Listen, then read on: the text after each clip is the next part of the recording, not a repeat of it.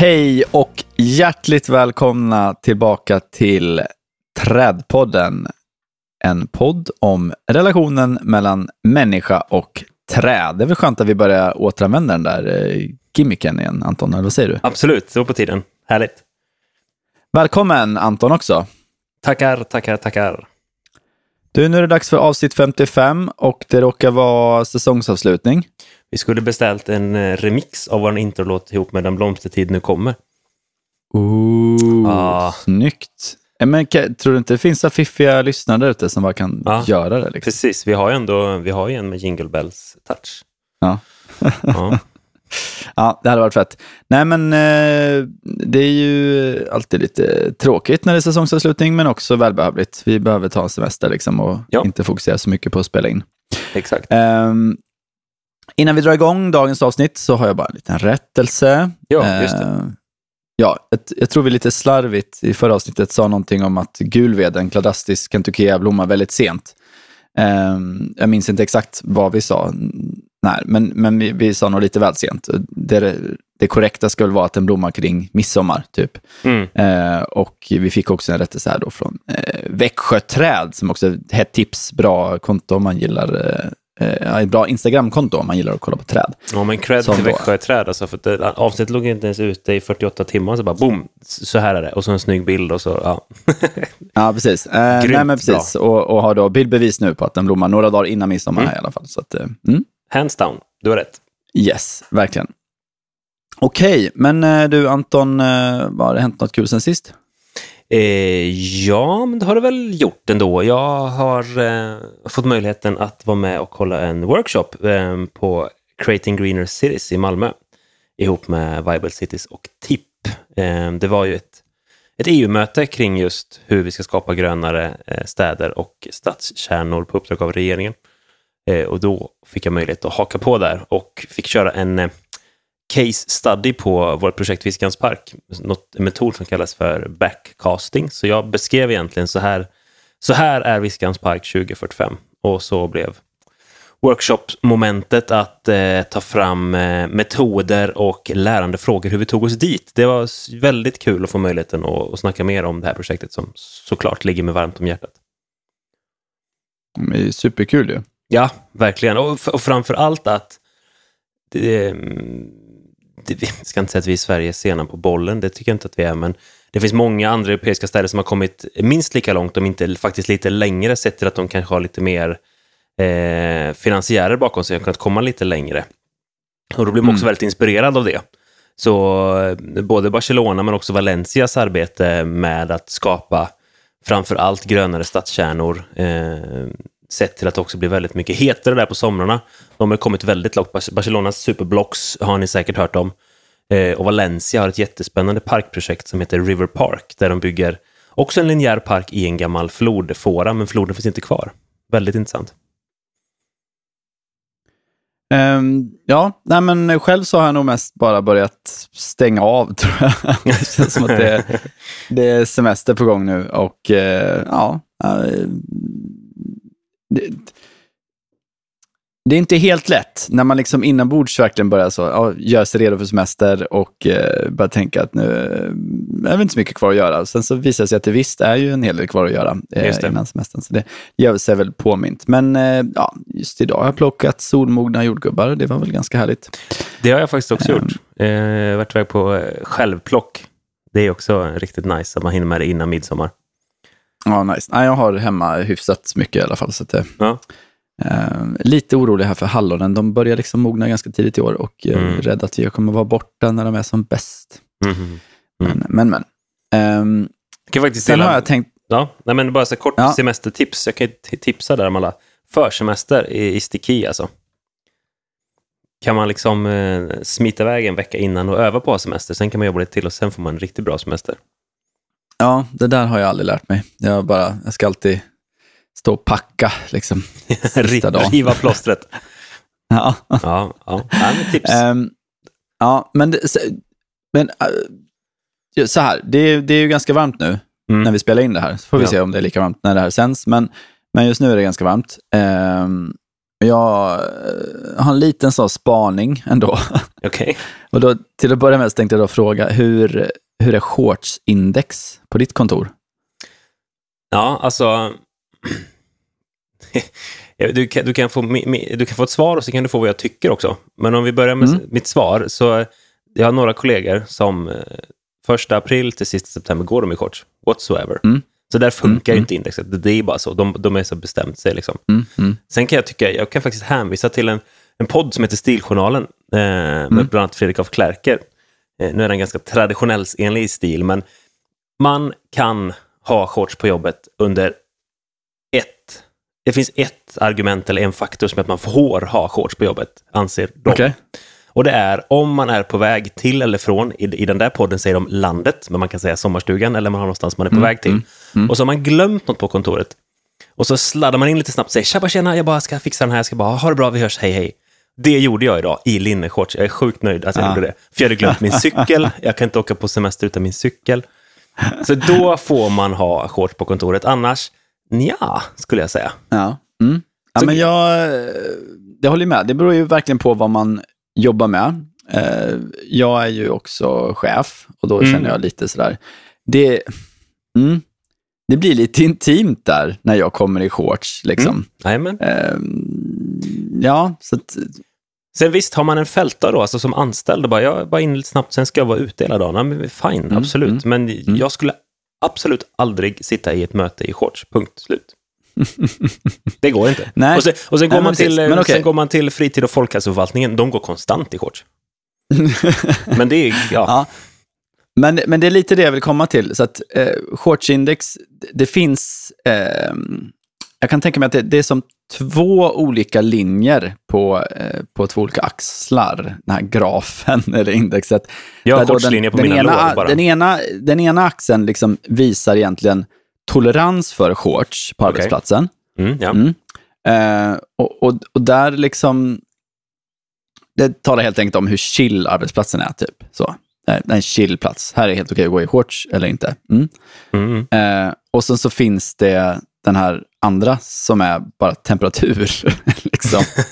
eh, och någonstans så, och det är liksom där vi är nu, att även de ochilla arbetsplatserna, där det Mm. liksom generellt sett inte är okej att ha shorts, när de börjar ha shorts, det är, liksom, Mm. det är då man vet att det är riktigt, riktigt, riktigt varmt. Och det är då shortsindex liksom slår i taket. just det. Ehm, mm. De två axlarna möts där. Ja, precis. Då, då bildar de ett kryss. Jag såg Ehm, faktiskt en väldigt märklig, eh, på tal om shorts till uniform häromdagen när jag åkte tåg. Eh, Mm. en, en konduktör på SJ-tåg gick i eh, hel, lång, ljusblå skjorta, slips, väst och shorts. Mm. Det, det, haveri, kände jag. det, det går Fast inte. här är ändå liksom, ja, nej, men jag kan ändå tycka det eh, det är viktigt att servicepersonal och den typen av liksom personal som jobbar ändå fysiskt får klä sig bekvämt. Ja, jo, absolut. Men jag känner mer så här att det finns... Det säger ingenting om det. Jag fattar arbetsgivarmässigt att man absolut ska ha någonting som är bekvämt och inte som man svettas ihjäl i. Men det bryter mot alla så att säga, normer kring hur man bär en arbetsuniform. Man kan inte ha väst till shorts. Ja, men eh, så helt kort om eh, vårt shortsindex så skulle jag säga att Mm, det är ganska okej för alla mina kollegor att ha shorts. Det är bara att jag inte har det. Eh, Okej. Men det, det märks också nu att det är varmt ute. Nu har nästan alla shorts. Mm. Eh, mm. Ja, spännande. right. spännande. Eh, jag tror vi får utveckla det här shortsindex lite mer och göra lite, visualisera den här grafen. Eh, Ja. Där är jag inte riktigt än, men jag Nej. ser den framför mig på något sätt. Ja, ja, ja, ja men det, så jag, jag fattar grejen när kurvorna möts, absolut. Då kanske ni har Ehm. fattat vad vi ska snacka om idag. Vi ska snacka om att det är så in i bänken varmt, helt enkelt. Ja, precis. Ehm, det är temat idag. Temat är eh, värme bara, kort och gott. Ja. Ehm, och det är ju lite så att eh, plötsligt, helt plötsligt, när det blir så här varmt, och det kanske också råkar vara lite nyhetstorka, då, då börjar det skrivas om hur viktigt det är med träd Mm. Eh, och hur viktigt det är med trädskugga eh, och vilken funktion grönskan har i att minska den urbana värmeeffekten. och det är ju inte bara vi trädnissar som har förstått det här. Det är ju liksom alla typer av, eh, alla typer av den bästa typen av lobbying. Att det liksom handlar om timing. Mm. Ehm, och några som verkligen har tajmat nu, det är faktiskt MSB, måste jag säga. Myndigheten för samhällsskydd och beredskap. De inväntade verkligen den så här, årets hittills riktigt varmaste dag, tror jag. Och det var verkligen över hela Sverige var det varmt den här dagen. Eh, igår då, när vi spelade in det här, men det var väl den 19 juni helt enkelt. Så Ja. slängde de ut den här eh, pressmeddelandet eh, som ju togs varmt emot på diverse eh, olika medier. Och bland annat eh, SVT fångade upp den här och hade ett långt reportage in i, i Rapport och det gick även att hitta på SVT Nyheter på webben Mm. eh, som handlar just om att eh, det, eller, det MSB har kommit fram till i den här nya kartläggningen är att det faktiskt finns en strukturell orättvisa i svenska städer vad gäller eh, värmeböljor. Det är faktiskt statistiskt sett varmast i eh, mer socioekonomiskt utsatta områden än icke socioekonomiskt utsatta områden. Nej. Och det här måste ju vi prata om, känner jag. Oh ja, oh ja, absolut. Det är... Det är Och Grejen är att Kör. Mm. Ja, men vi har ju pratat lite förut om det här. Jag, jag kan ju inte säga vilket avsnitt, men jag minns att vi har pratat om begrepp som redlining, till exempel, från Ja, USA. absolut. Ja. Ehm, och där tror jag också vi lite så slentrialmässigt har stängt ur oss, att, men så är det ju tack och lov inte i Sverige, att det är, liksom, att det är mycket färre träd i, i fattigare områden. Typ. Jag tror vi var inne på det när vi pratade med Tobias eh, om Mm. träd som inventerar träd. Eller vad säger maskiner som inventerar Ja. träd. Ja, då, pratar, då precis. pratar vi om det. Och, eh, nej, våra, vårt argument kring att det inte var så, det, det landar kanske ner lite i att vi, vad vi vet idag kring de områden som vi benämner som utsatta, där är det ju ganska glest, för det är miljonprogram. Men Mm. här pekar man ju på nybyggda stadsdelar och då känner jag lite, har vi inte lärt oss ett skvatt? För det är nybyggda Nej, precis. stadsdelar som blir så otroligt täta för att, för, att, för att uppnå den BTA som byggherren säger ska vara lönsam, vilket genererar Mm. ingen som helst plats för riktigt bra kron, trädkronskugga, utan man säger Mm. att man citattecken löser det på andra sätt genom gröna väggar, gröna tak. Men någonstans Mm. kommer man ju ner till att det där är ju faktiskt bara bullshit i det här fallet, för det hjälper inte. Det sänker inte Nej. temperaturen. Nej, precis. Och, och just det här, många av miljon, de gamla miljonprogramsområdena som kanske Mm. byggdes ute i skogen, där man ändå lyckades bevara väldigt mycket grönska mellan, eh, mellan byggnaderna, mellan gårdarna. Ja, skog eller åkermark Eh. ska jag säga. Mycket åkermark bygger man också på. Ja, precis. Ehm, där har man ändå, där, där finns det tillgång på grönska, men i mycket av de här nya områdena så, så, så bygger man där det inte finns skog, eller om det nu finns det, så, så lyckas man inte bevara något av den. Liksom. Nej, och man exakt. planterar nytt och, och det kommer ta väldigt, väldigt, väldigt många år innan de här träden som blir planterade blir stora. Och tyvärr, precis som vi var inne på i förra avsnittet om rosaceae, så ser vi fortfarande att man planterar Mm. allt för små träd. Alltså inte bara små storlekar, utan träd som inte kommer bli stora. Och träd som förblir små, typ prydnadsaplar, prydnadskörsbär, ger ju inte skugga på det Nej, sättet. nej, exakt. Och också det här rackarns tråkiga slentrian, eller som har blivit standard, eh, takbjälkslag på innergårdar. Att man inte kan ha en innergård som förblir på jungfrulig mark. Alltså de kvaliteterna är ju enorma om man jämför med en innergård där du har parkeringsdäck under. Precis, så det var vi inte- också på tidigare under den här säsongen. Ja. Men just att en, en lösning på problemet hade ju varit att slopa parkeringsnormen i nybyggda områden. Ja. Att nej, ni behöver inte bygga med garage under gårdarna. Då kommer, det, då kommer vi få mycket mer intensiv grönska. Och jag menar, där är ju någonstans Barcelonas superblocks Eh, ja. inne på någonting, där man lägger samman nio kvarter eh, för att inte få in bilen i dem. Just det. Mm. Ja, det superspännande. Och jag- spännande också det man pratar om idag, liksom med mobilitetshus och den saken. Att man helt enkelt liksom, gör det otillgängligt med bil och sen så ser man till att man måste parkera bilen en bit utanför. Där finns det andra lättare fordon att ta till, till exempel cyklar eller elsparkcyklar eller liknande. Mm. Ett sista Mm. exempel på det är hur man jobbar med i Lund, i Brunnshög, eh, där man Mm. har eh, något som kallades för tredjedelsregeln. Där stadsrummet är till för en tredjedel gång och cykeltrafik, en tredjedel kollektivtrafik och max en tredjedel biltrafik. Vilket innebär att man bygger inte gator Mm. som är raka. Men där kan jag slänga in en liten känga att eh, Brunn, Brunnshöga är ju, där är det väldigt dålig krontäckning kan jag säga. Ja, Eh, jo, jo, absolut. Men man har, ändå haft med, man har ändå haft med en idé från början som inte gör att bilen ska gå hela vägen fram till alla dörrar. Och det är någonstans ändå eh, en begynnande lösning, tror jag, i Sverige på det Mm. problemet. Vi vill tacka vår sponsor Stångby Akademi. Stångby Akademi är ett grönt kompetenscenter som erbjuder kurser för dig som vill utvecklas i din yrkesroll. Du kanske vill bättra på din växtkännedom eller lära dig mer om beskärning och trädplantering. Gå in på stångbyakademi.nu för att ta del av deras ständigt uppdaterade utbud av kurser. Stångby Akademi hjälper dig till rätt kompetens för ditt projekt enligt mottot Tillsammans bygger vi framtidens gröna nätverk. Ja, och i samband med att det här kom från, från MSB också så hörde jag en, egentligen en kort notis. Jag tror att det var i eh, Vetenskapspodden eh, Klotet, va? heter den på Sveriges Radio. Eh, Där ny forskning också visar att just Europa är den världsdel som just nu är eh, hår, hårdast drabbad av ökade temperaturer sett till klimatförändringar också. Det är liksom i Europa som blir epicentrum av, av klimatproblematiken just nu. Och det tror jag inte många europeer såg komma för 5-10 år sedan. Nej, precis. Det här skulle ju drabba tredje världen, inte Ja. oss. Nej, precis. Så att vi, vi, vi äger också problematiken runt vår egen, vid vår egen farstubro i, i europeiska städer. Det är, Mm. precis som du var inne på, tajmingen, att tajmingen är verkligen nu för att Mm. också påvisa problematiken kring det här och, och vi äger vår egen fråga. Så att, ehm, ja, bra tajmat av MSB, men också att ehm, det finns stora så att säga, synergier ute i Europa som också är ganska skrämmande. Mm.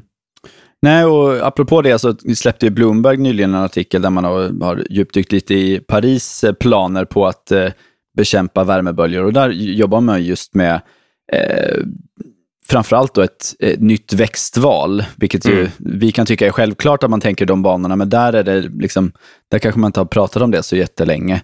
Eh, att det faktiskt är viktigt nu att börja variera sig och jobba med andra arter som, som tål eh, värme bättre helt enkelt. Mm. Ehm, och det är lite intressant liksom, att man tar upp art, alltså, vi, vi tänker att vi ska titta och inspireras av Paris eh, Ja, ja, för att ja. hitta arter, arter som, som är lämpliga för ett varmare klimat. Men även där har de ju problem. Och, eh, ja, de har ju också ett ganska ensartat trädbestånd. För de som har varit i Paris vet ju att det är extremt mycket platan till exempel. Ehm, så det är någonting man måste börja jobba med även där. Ehm, Men det jag tycker är nästan roligast i den här artikeln, det är för de lyfter att de då, eh, man ska plantera 170 000 träd innan 2026 till exempel som ett mål. Mm. Mm. Men man lyfter här att man har, man har identifierat problematiken med att lova massa siffror och sen inte ställa krav på kvalitet. Så här står det faktiskt att löftet är att plantera 170 000 träd och hålla dem vid liv. Jag skulle tycka löftet borde vara att få dem att växa också. Men, men i alla fall, ehm, att man faktiskt här eh, allokerar pengar till skötseln, Ja. eh, till bevattningen, när man nu planerar för de här nya träden. Det tycker jag är superviktigt. Ehm, Du kan bara börja, lite följa lite bra byggnormer och ha lite uppföljning och lite garantibesiktningar. Det är Mm. inte så svårt. Nej, men precis. Eh, det är verkligen inte så svårt. Eh, men, men det jag tycker också, det som är ännu, såklart ännu mer slagkraftigt att prata om, istället för att prata om antalet träd, det är ju faktiskt att mäta krontäckningen och att Ja, använda den som mål. Ja. Då kommer du liksom inte undan. Du kan inte säga, ja, men jag, jag har ju planterat eh, 100 000 träd, nu har vi väl gjort det vi skulle. Ja, men krontäckningen har minskat, så det, det hjälpte Mm. ingenting. Liksom. Nej, och, och Det är det är krontäckningen som ska öka. Ja, men precis. Och det är någonstans där också Naturvårdsverket är så kloka när man också pratar om det utifrån att man ska bevara ett äldre trädbestånd. Det är ju där man har skrivit in målet. Så slutar vi avverka träd så är det mycket lättare att uppnå en hög trädkronstäckningsgrad än att vi utgår ifrån att alla projekt ska börja på en platt, tom tomt. Mm. Alltså, Ja, precis. Sorry, men det är jättebasic egentligen. Det är bara att vi tänker fel i ruta 1 och så ska vi korrigera det i ruta 10 Mm. det blir jag lite frustrerad över faktiskt. Ja, ah, nu har vi ett jätteproblem, måste fixa det nu. Ja, men vi hade, vi hade inte ens behövt att fixa det, för det hade inte varit ett problem om vi gjorde rätt i ruta 1, 2, 3. Mm. Nej, precis. Nej, och till sist, apropå då med eh, krontäckning så vill jag också bara nämna att eh, under våren här kom det ju ny forskning som då faktiskt kunde visa på att eh, ja, men om vi kan höja det här. I, i Europa tydligen så, så, finns det ett medel i städerna. Med, medlet i Europa, påstår den här eh, forskningen då, mm. eh, på krontäckning är 14,9 procent. Det är ganska lågt. Eh, om vi nu skulle höja den här till 30 procent så hade det minskat eh, överdödligheten under värmeböljor med 39,5 procent. Det är mm. många liv vi kan rädda eh, med hjälp av en ökad krontäckning helt enkelt. Ja, verkligen. Um, mm. Och där visar de också, det var spännande tycker jag, att man räknar upp eh, lägst och högst i Europa. Där mm. eh, till exempel så fanns det ett problem, eh, Rumänien hade lägst. Eh, mm. Nej, förlåt. Eh, där, I Rumänien så var det 32 personer per 100 000 som, eh, som dog av hetta 2015. Och de Oj. hade en trädkronorstäckning på 7 procent. Oj, oj, oj. Men mm. lägst, det är Lissabon i Portugal. De har 3,6. Herregud. Och sen snackar vi ofta om Barcelona. Det gjorde jag för tio minuter sedan om att det ja. är så grönt. Barcelona 8,4 procent. Jo. Medan ja. London lyfts fram för 15,5 och Oslo 34 procent. Mm, mm. Det, det, är intressant. Men när vi ändå är inne på trädkronorstäckning så kan jag ändå känna så här, absolut jättebra. Problemet som jag känner är att eh, just nu så kan man mäta trädkronorstäckning på så otroligt många olika sätt. Mm, mm. Eh, så Nej. där tror jag vi behöver liksom snäva in det lite och säga vi mäter trädkronorstäckning så här. 330-300 ger ju en index på hur man kan mäta det. Ja. Men det är ändå så att förutsättningarna, jag tror vi varit inne på det innan också, förutsättningarna för vad trädkronorstäckningen är värd för respektive stad kan vara lite olika beroende på vilka, vilka, vilka omständigheter och vad som finns runt om staden. Ja, och egentligen stadens snitt spelar inte så stor roll. För det, Nej. Det, det påverkar inte den här lokala värmeeffekten. Den är så liten och lokal. Liksom. Eh, och jag vet faktiskt i, i England har man ju på, i vissa projekt, när det eh, pratades så senast, ja, som vad var det, igår tror jag, med Tree Economics i England som har börjat mäta eh, street tree canopy istället. så mm. då, eh, eller eh, förlåt, eh, street canopy cover. Så ja. Man kollar helt enkelt hur, hur många procent krontäckning finns det i gaturummet bara. Mm. Det blir något helt annat. Eh, ja. Och då hade man också valt att jämföra då eh, olika, eh, de kallar det boroughs, eller liksom områden mm. eller politiskt styrda områden inom en kommun. Där det då i många fall visade sig att de som kanske hade högst krontäckning också hade typ sämst eh, street canopy cover, eller gatukrontäckning. Så att, eh, och, då, och då spelar det ingen roll att de har liksom, ja men, ja men en tredjedel av den här burrown är naturmark. Men mm. där rör sig ingen. Okej, okay, men där folk rör sig är det jättestenigt ändå och super, super varmt. Så att, mm. nej, nej, tyvärr, ja, det är nog inte helt enkelt där. Vi, vi måste börja titta på flera olika håll och, och, och också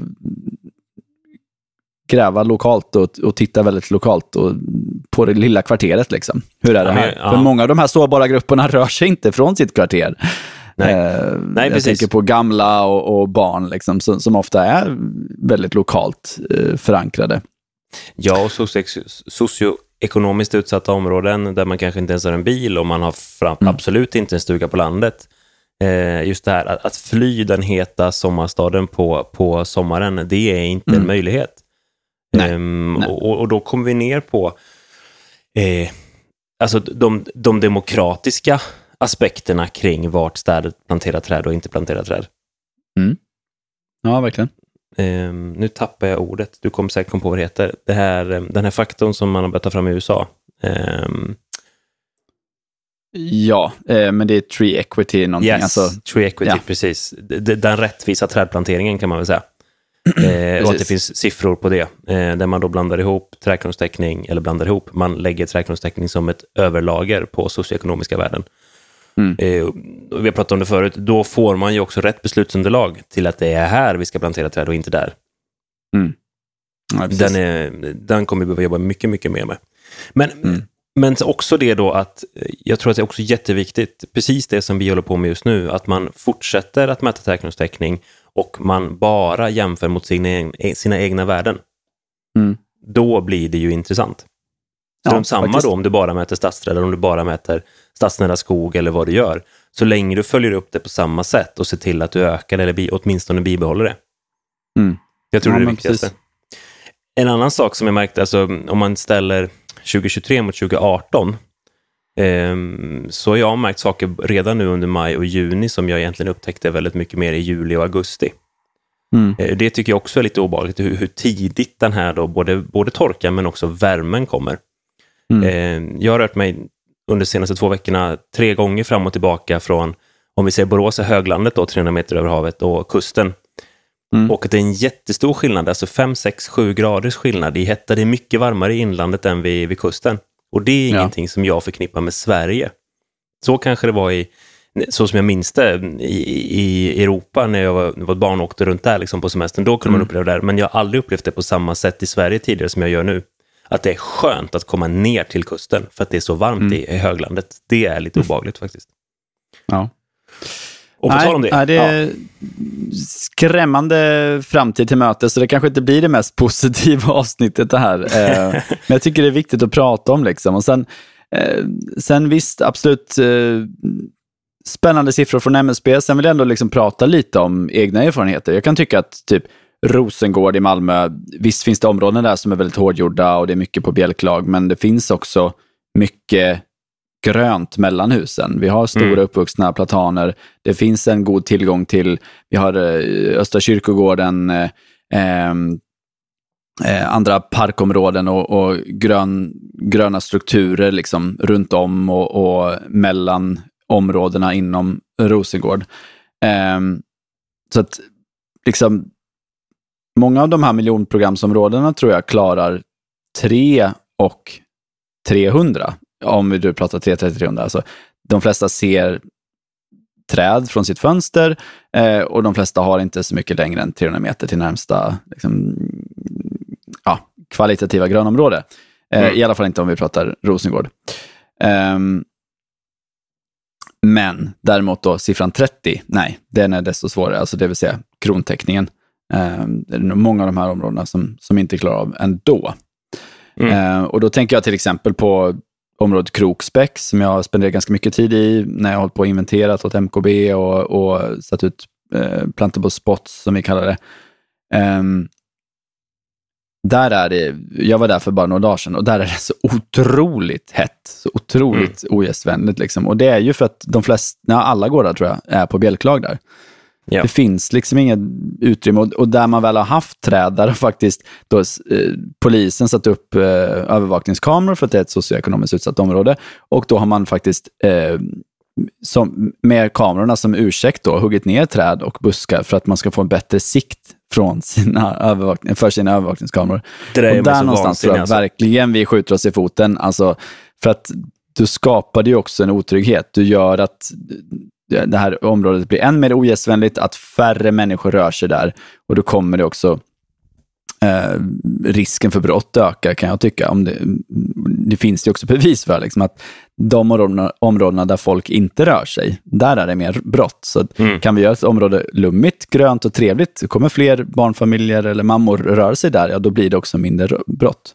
Mm. Det, alltså, det, jag, det, det flimrar för ögonen när jag hör sånt här. Mm. Jag blir så otroligt provocerad. Eh, Jag tvingades en gång att presentera en trädåterplanteringsplan för Mm. eh, den kommunala eh, övervakningskamerasamordnaren. Mm. Det kommer jag nog aldrig mer få göra, för jag blev så upprörd så att de sa att nej, vi ska nog inte göra så här igen. Nej, tack, det vore bra. Alltså, Vi ska inte träffas mer du och jag. Nej, inte under de här formerna, för det kommer inte sluta väl. Nej, men det är otroligt dumt. Precis som du säger, vi ska skapa platser där folk vill vara. Ja, då börjar vi med att ta bort förutsättningen för att vi ska kunna skapa platsen för folk vill vara där genom att plocka bort all vegetation. Mm. Alltså, lägg av alltså. Nej, nej, nej, nej. 7H Skog och Entreprenad erbjuder tjänster inom trädfällning, sektionsfällning, trädvård och markentreprenader i Göteborg med omnejd. Surfa in på 7hskog.se för att läsa mer om deras tjänster. Tack 7H Skog. Utan ert stöd hade vi inte kunnat göra Trädpodden. Sen tycker jag också, vi har ju liksom ny, de nya miljonprogrammen om man säger så. Eh, Det byggs Mm. ju mycket nytt och i Malmö har vi ett sånt område som är Hyllie som ändå är ganska roligt exempel där man faktiskt, jag tycker man har lyckats bra med att liksom bygga hyfsat kvalitativa parker. De är inte allt för små Nej. i Hyllie. Eh, fantastiskt fin grönska i gaturummen. Nu har inte jag insikt i hur det ser ut på alla gårdar, där har jag inte varit inne på. Eh, men man bygger också väldigt, väldigt tätt, så det finns inte så mycket plats för träden. Liksom. Däremot de träden som, som staden har planterat, de växer fort, de har ordentliga växtbäddar mm. och det, det är jätte, jättekul att se. Men det roligaste med det Hyllie egentligen är ju att man utgår ifrån 0% krontäckning i och med att det är bara åkermark. så att ja, vad du än gör så blir det ju bättre. Ja, liksom. jo, men det är Å andra sidan så bodde ju ingen på den där åken heller så innan. Mm. Nej, det är klart. Men just det, deras pilvallar fanns ju och lite annat vet jag, men nej visst, det var mm. inte så mycket. Samtidigt så, jag tror att Hyllie på ett sätt är lite unikt sett, hur, sett till hur eh, framtung den ekonomin är. Staden tar in väldigt mycket investeringar tidigt som de sen får igen. Så det där tror jag, um, jag tror inte man kommer bygga speciellt många sådana nya områden i Sverige just de kommande 50 åren, tyvärr. Eh, inte inte det på det sättet som Hyllie är placerat, eller planerat. Okej, okay. ja, där har jag ingen insikt i. Det är, sånt där kan du mycket bättre än mig. Ja, nej, men, det mest, ja, nej, men det är lite intressant faktiskt, för det, det, det sticker ut lite på ett annat sätt. Mm. Men du, eh, hur är det i Borås då? Vad gäller ja. krontäckning och värme? Ja, Hettan. Nej, är det, kan... finns, känner, finns det strukturell orättvisa? Är det varmare i Norrby än i, ja nu vet jag inte.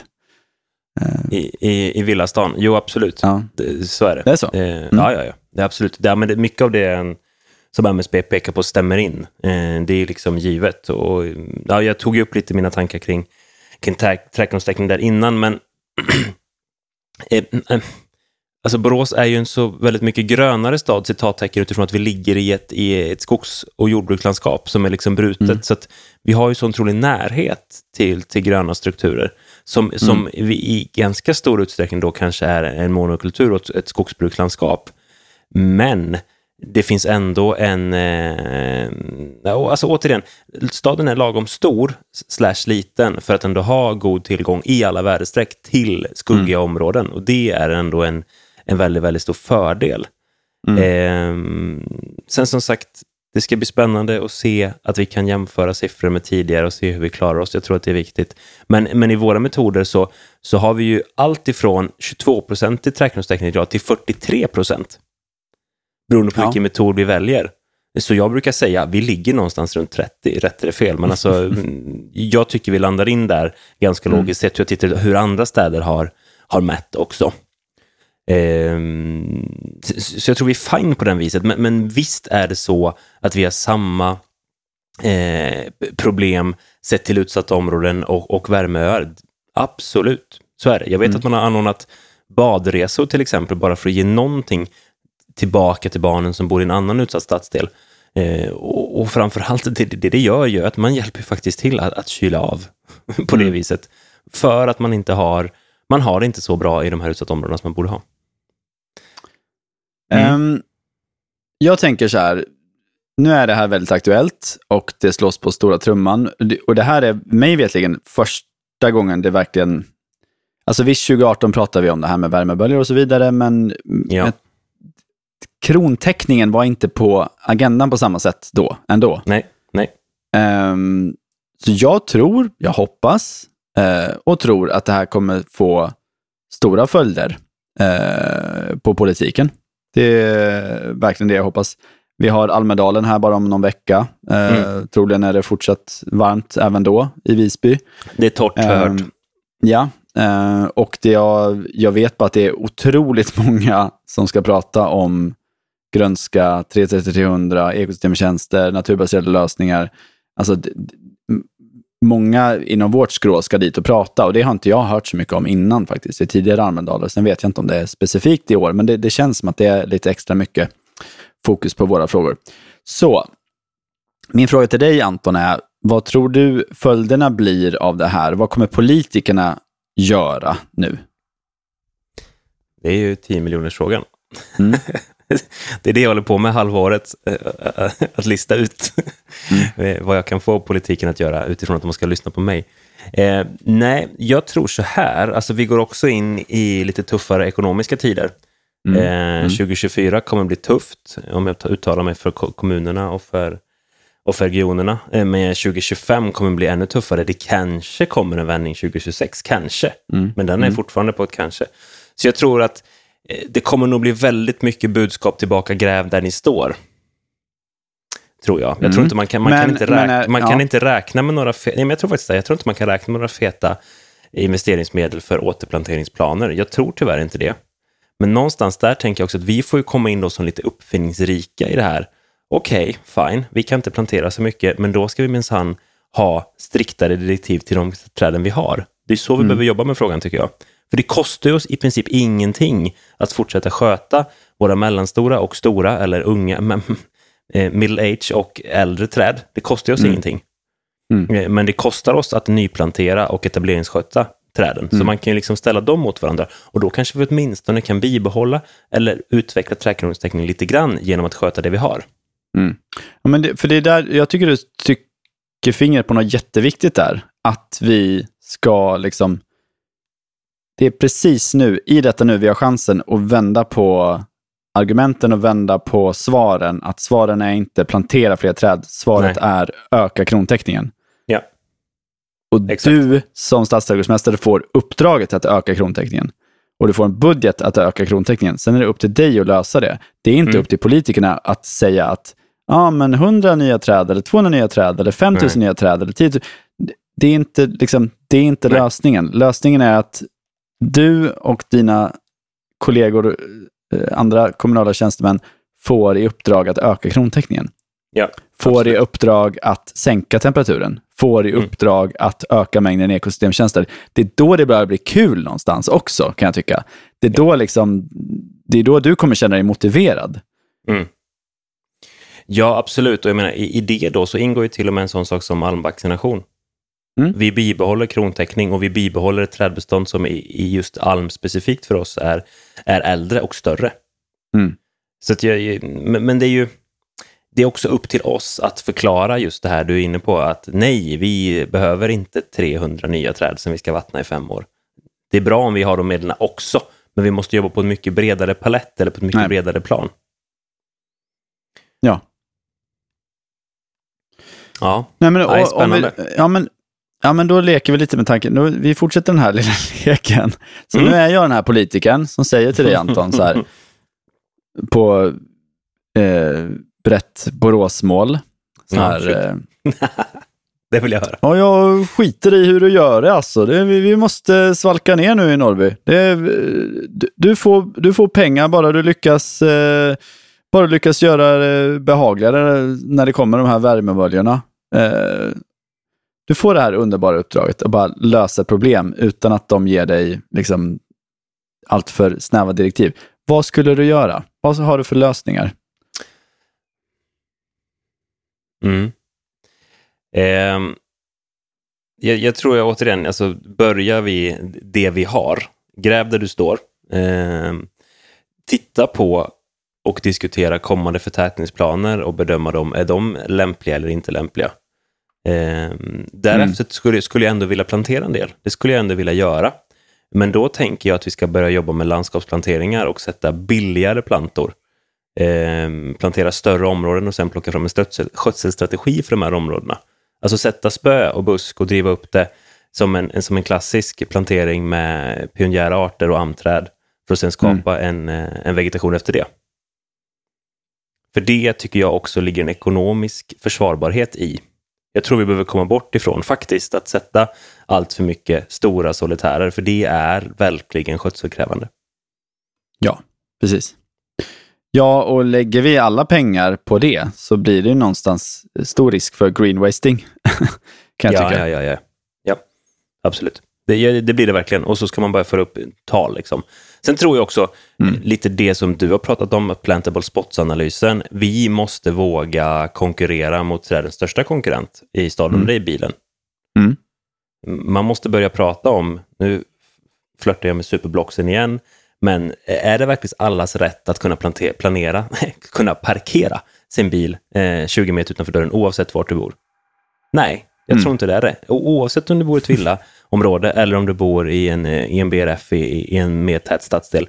Nej, du får räkna med att du kanske har 200 meter till din bil och så har du skapat en, en stads, ett stadsklimat som är otroligt mycket trevligare. Och högst flux mm. finns det väldigt mycket mer ytor att plantera träd på. Ja, ja verkligen. Ja, det, det, det här är ju liksom nyckeln och också den svåraste nöten att knäcka.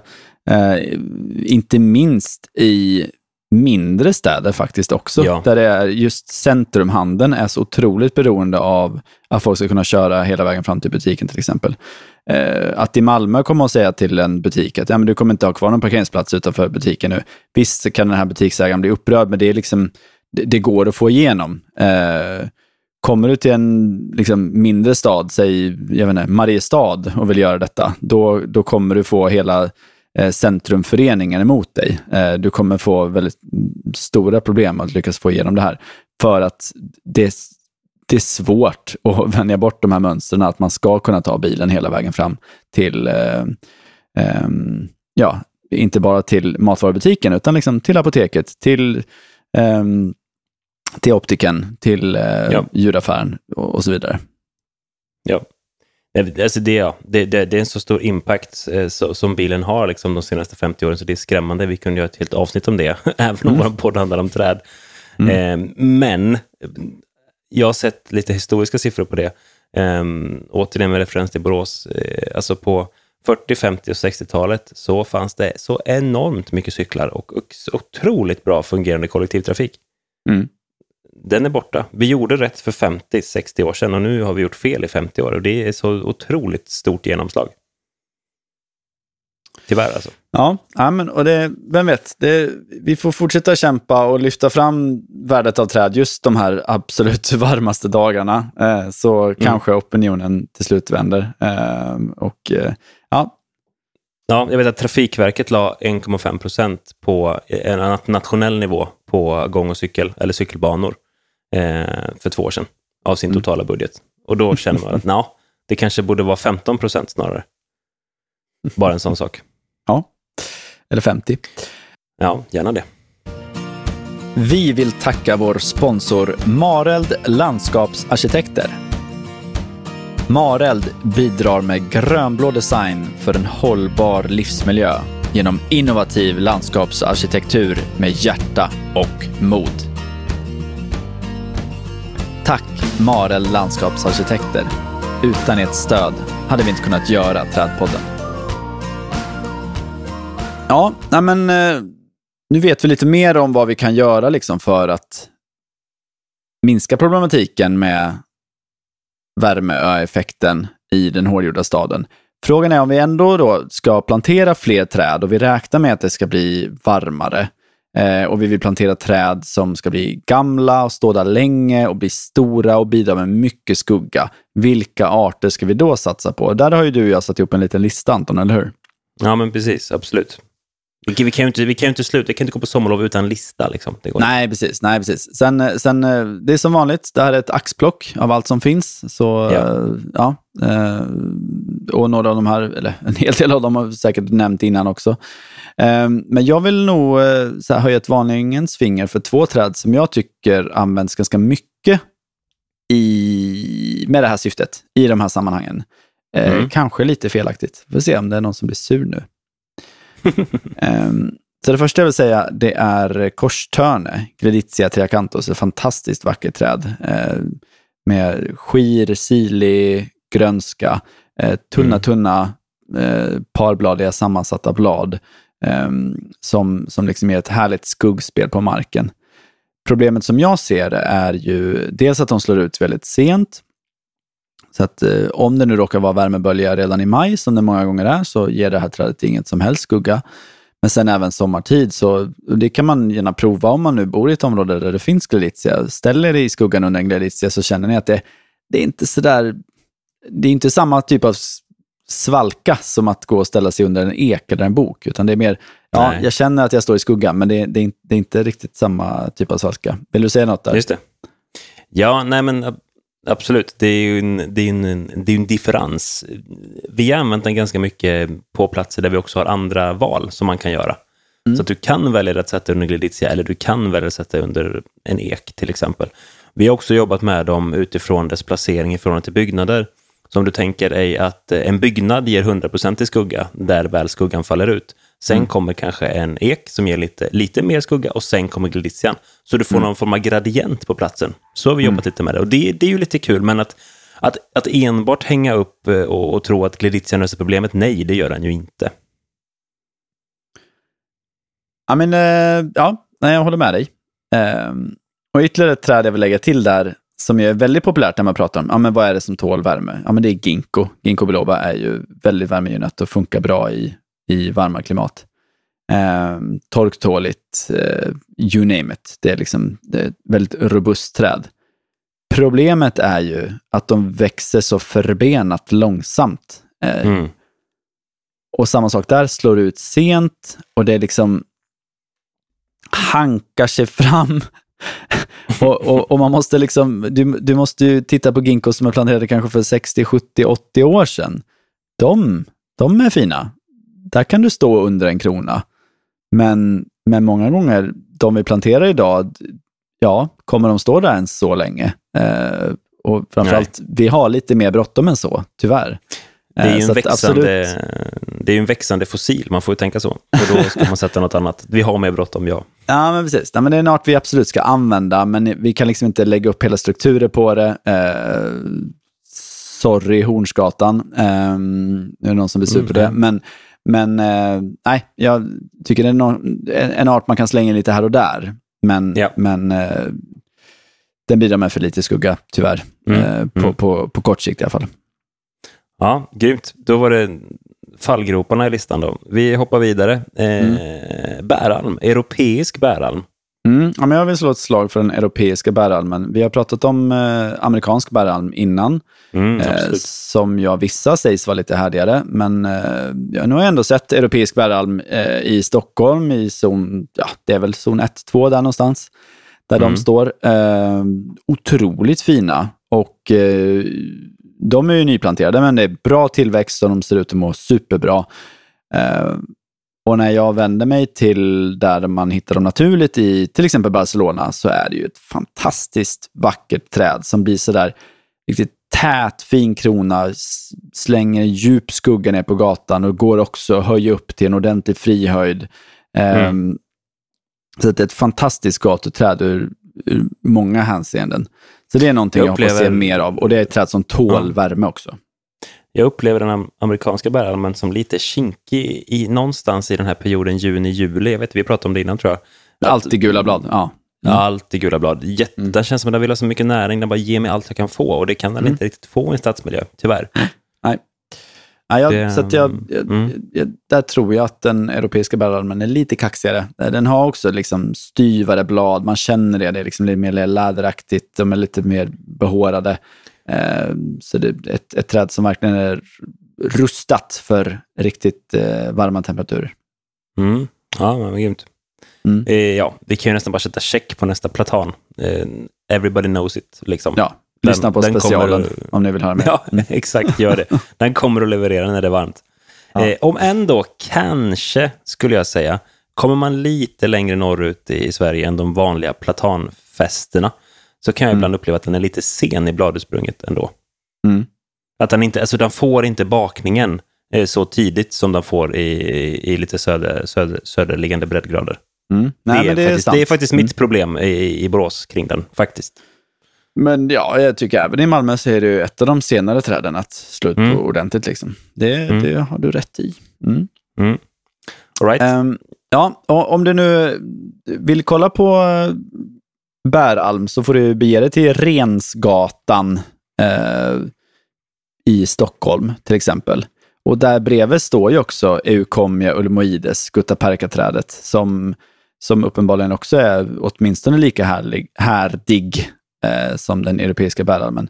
Och ett Mm. träd som, som verkligen verkar trivas bra och stå varmt och bakat och bara växer på med stora härliga blad eh, och bidrar också med otroligt fin grönska och skugga.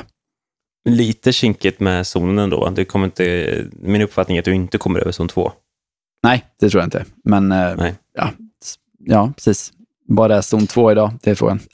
nej, nej, absolut, så är det ju. Eh, sen kan man också säga Ulmoides, eh, vad, vad, vad skvallrar det namnet om?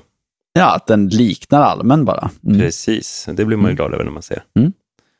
All right. Eh, ja, jag slängde in en liten bubblare som absolut inte är något träd eller något för skugga, liksom. men det talar väl mer om vad, vad vi kanske har att vänta oss när det blir riktigt jävla varmt. Och det är ju liksom, vad hittar vi i den svenska naturen där det är som absolut varmast och jävligast? Ja, det är ju enen som står där och bara ja. tar skiten liksom. Ska, men, ska, ska, du stå, ska du stå under en, en ginkgo eller under en en och vänta på skugga, då får du bara med vänta. Ja, ja. Nej, det, det, blir, det blir ingen skugga där, men det, men det är ett, ett, ett, träd som tål värme. Men det är absolut inget vi ska använda oss av i, i, i som stadsträd. Eh, verkligen inte. Däremot så har vi ju två andra inhemska arter som vi kan få till att funka som stadsträd. Eh, dels har mm. vi avenboken som absolut trivs att stå ganska varmt, men den är inte så fullt jäkla tork, eh, torrtålig. Eh, så där får man ju se till att det ändå finns tillgängligt vatten. Eh, det kan man bästa... ju faktiskt det kan man faktiskt ägna sig åt i sommar om man då, så vet man, man har alltid någon sån mellandag på semestern när man måste in mm. till något varuhus eller något sånt där. Mm. Mm. Då kan man ju titta, det är ju VM, eller i alla fall Nordiska mästerskapen i avenbokstortyr, kan man mm. absolut uppleva på alla köpcentrum. så nog, nog, den ger ju sig inte, men den levererar Nej. ju inte heller. Nej, precis. Och det är en björksläkting och den beter sig lite som björken. Blir det för jävligt att kasta den bladen liksom. Ja. Um, men, eh, men, men för den väldigt varma platsen, men samtidigt kanske lite skugga. Mm. Där Absolut. tycker jag den funkar bra. Jag håller med. Jag håller med. Ja. det är kul också att det finns hopp i inhemskt trädbestånd. Eh, och lite samma sak egentligen med bergseken och där är väl återigen ett, ett bra svenskt namn med tanke på att den vill stå. Den tål att stå lite tuffare, lite mm. kämpigare än vad skogseken eh, gör. Precis. Den, den har jag verkligen hopp om i framtiden faktiskt, att ja. kunna bli ett riktigt, riktigt bra stadsträd. Ja, men det tror jag också. Så den slängde vi in där, Quercus petrea bergsek. Och det är ju en sån eh, som man hittar ganska sällan i naturen faktiskt. Mm. Eh, mm. Jag blir väldigt så här, man blir alltid glad när man hittar en bergsek. De är inte så himla vanliga. Eh, och de är framförallt inte vanliga i planteringar, väldigt, väldigt sällan. Eh, men nu börjar det finnas ganska god tillgång på dem i plantskolorna. Många har börjat förstå liksom, varför de är lite bättre än Quercus robur just i de sammanhangen där man vill ha ett gatuträd. Eh, så det är ett otroligt intressant trädslag som vi borde jobba mer med, absolut. Och när vi ändå är inne på, ja, precis. När vi ändå är inne på ek så, så har vi ju många andra arter, vill du, vill du säga? Nej, men eh, alltså, Quercus serris har jag haft otroligt god utveckling kring i, i varma miljöer. Mm. Eh, otroligt trevligt och bra träd. Det går att lita på. Och det växer inte heller så där vansinnigt långsamt. Det kan faktiskt köra på med mm. lite väl god, eh, god etableringsskötsel. Jag har börjat, testa, har börjat testa Quercus frainetto också. Eh, kan inte säga något annat än att det ser bra ut, men vi har inte så... Vi har inte så... Uh, det är ganska unga planteringar. Jag tror att de är ett och ett halvt år, de som är mm. yngst. Eller äldst ja, av de vi har. Eh, har Slänger även god... Ja, Slänger in det svenska namnet där, ungersk ek, bara så att alla ja, hänger med. Mm. Precis, ja tack. Och jag tycker faktiskt också att vi ska jobba med rödek. Jag mm. tycker också det är en vettig variant. Obs då att man bör snegla på den som eventuellt invasiv. Eh, det håller jag inte med om, men där finns det också ah. någonting i varma miljöer att jobba med. Det tror jag. Mm, mm. Ja, verkligen. Mycket ek. Eh, Anton, du, vi har en lång lista här. Du får välja två till, säger jag. Jag är hård. eh, ja, men vi måste snacka lite mer barr, tycker jag. Mm. Eh, ja, nej men alltså, jag tycker ju att eh, sedrar är så otroligt spännande. Sen är det ju svårt på, på mina breddgrader, men det finns ju så många bra exempel på bra, mm. bra sedrar i stadsmiljö. Det tycker jag. Mm. Så både Himalaya-sedrar och Atlas-sedrar egentligen, det, det, är intressant, för vi behöver blanda blad mot barr. Eh, okay. ja, ja, det tycker jag. Superbra. Du får välja en till. Ah, en till. Okej. Okay. Mm. Eh, men jag är lite spänd på, på faktiskt att börja jobba med mycket, mycket mer med kastanj. Mm. Castanea sativa, just utifrån att vi har så mycket problem med vår hästkastanj. Och den har ju faktiskt fram tills för några år sedan levererat ganska bra stadsmiljö. För mm. det är en stabil och bra skugga. Visst, den kanske, släpp, den kanske släpp, släpper lite mycket frukt och lite mycket eh, löv. Mm. Men jag, jag, tror ju stenhårt på, på att eh, ren kastanj, alltså Castanea sativa, de är inte en släkt, eh, skulle kunna leverera jättebra. Ja, eh, det här är återigen då ett träd som, som kan bli väldigt stort, men det kan ju Mm. bara bli stort där det ges mycket rotutrymme också. Så det, eh, ger du den en 10-15 kubikmeter, nej, det, det kommer inte bli något stort träd då, liksom, utan det, det måste få, få ges ordentligt rotutrymme. Men då kan vi få till riktigt stora, långlivade träd. Eh, som ju dessutom ger trevlig frukt, absolut. Kanske inte det optimala att ha ovan, ovanför eh, bilparkering, eh, men då kanske du Nej. slipper ha parkerade bilar där också. Förvisso, men jag håller på att driva en från spö hemma och då bor jag i zon 4 eh, Ja. i min egen trädgård och det funkar. Mm. Ja. Så att jag menar, det är en, absolut. Jag Mm. tror på den. Vad har du då? Två på listan? Okej, två till. Ehm, ja, men då, uh, en som vi inte får glömma bort är ju silverlinden, som ju fungerar Nej, väldigt bra. Eh, tyvärr tråkig kronutbyggnad, det kan vi leva med. Det är bara att ge aboristerna lite mer jobb, eh, liksom initialt, och sen så kan du släppa den. Ja. Det är helt okej. Ehm, den andra jag vill ta upp är väl också lite så självklar ur uh, värmesynpunkt, uh, Robinia pseudoacacia. Men likt Gleditzian slår det ut otroligt sent. Uh, undrar om inte Robinian slår ut ännu lite senare än Gleditzian, så där har vi Jo. ett eh, problem tyvärr. Ehm, men däremot kan det ju bli stora träd som liksom slänger mycket skugga under sommaren, när de väl har slagit ut i alla fall. En intressant jag har sett med Robinian, jag, jag, jag tror hela tiden att jag har eh, två exemplar jag går och sneglar på, eh, lokalt hemma. Mm. Jag tror att den har drabbats av en riktigt elak dieback, men den är så otroligt sen på, på att sätta löv över hela sin krona. Har jag Mm. eh, tittat på. Jag, jag förstår inte riktigt varför. Så funkar ju inte andra träd. Mm. Jag, jag vet inte, det, om någon kan någonting mer om hur Robinia slår ut på våren där ute så vill jag jättegärna höra mer om det. För jag står och bara, nej, nu får vi skära tillbaka den ett halvmeter i år igen. Vi Ja. gör det aldrig, för den kommer. Men Ja, den är väldigt seg. Det är skitskumt. Ja, ja nej, det, det, det är vanligt eh, att man får frågor kring döda robinjor som sen visar sig leva. det, Exakt. Det, det det går över mitt förstånd. Jag fattar inte. Jag vill veta varför. Ja. Ehm, innan vi avslutar här, så vi brukar ha med kulturtipset, så vill vi väl bara Ja. slänga in liksom, en gång till. Vi påminner om det. Nu, nu, vi ska ha bokcirkel i sommar. Exakt. Ja, så, och nu, nu direkt efter förra avsnittet så sprang vi och köpte den här boken eh, som heter När, När allmän allmän tystnar. Ja, precis. Vi, vi, vi nästintill bildligt talat gick arm i arm och köpte boken. Ja, det var ju trevligt. Raka vägen till närmsta bokaffär. Och de hade den inne, så det verkar vara en bok som man ganska enkelt kan få tag i. Så att, Mm. eh, alltså, när allmän tystnar, ut och skaffa den och så läser vi den tillsammans i sommar. Det är det enda kulturtipset jag har. Kan slänga in ytterligare en litet, litet tips. Det är ju att eh, jag lyssnade på senaste avsnittet av Tankesmedjan. Mhm. Vilken bok tror du de pratar om där? Heter- Nej, ingen aning. Samma. När allmän tystnar, ja, samma bok. Såklart med en mycket större dos sarkasm om alltihop. Men, men ändå eh, kul och eh, ja, de hade också ganska ett visst intresse för träd. Kan rekommendera alla att lyssna på senaste avsnittet av eh, Tankesmedjan om man nu är, eh, gillar den typen av humor. Mm. ja, absolut. Och köper ni boken, hör av er till oss nu då, så inte vi tror att vi sitter här själva, utan vi vill ju... En cirkel består ju inte av två personer, utan skriv till oss om ni har köpt boken så att ni är game liksom. Precis. Gött! Eh, tack till alla som har hängt i den här säsongen och lyssnat. Tack till våra grymma sponsorer som gör att vi kan hålla på med det här. Eh, det har varit superkul. Vi kommer köra höst igen, inget snack om den saken. Nej. Eh, vi ska bara gå på ett riktigt gött sommarlov först. Mm, precis. Men du Anton, eh, vi ska inte glömma att tacka dig också. Stort tack för att du är här och spelar in. Fantastiskt. Ja, ja och tack till dig Gustav. Det hade ju inte blivit så mycket annat om vi satt där och orerade själva. Då hade ingen avbrutit någon. Och ingen hade... det hade inte funkat liksom. Nej. Ja, men grymt. Ha det nu så himla bra i sommar, alla goa lyssnare, och så ses vi igen i höst. Precis, så glöm inte att nyttja trädskuggan där den finns. Do it. Ha det bra. Ha det bra, hej då. Hej då.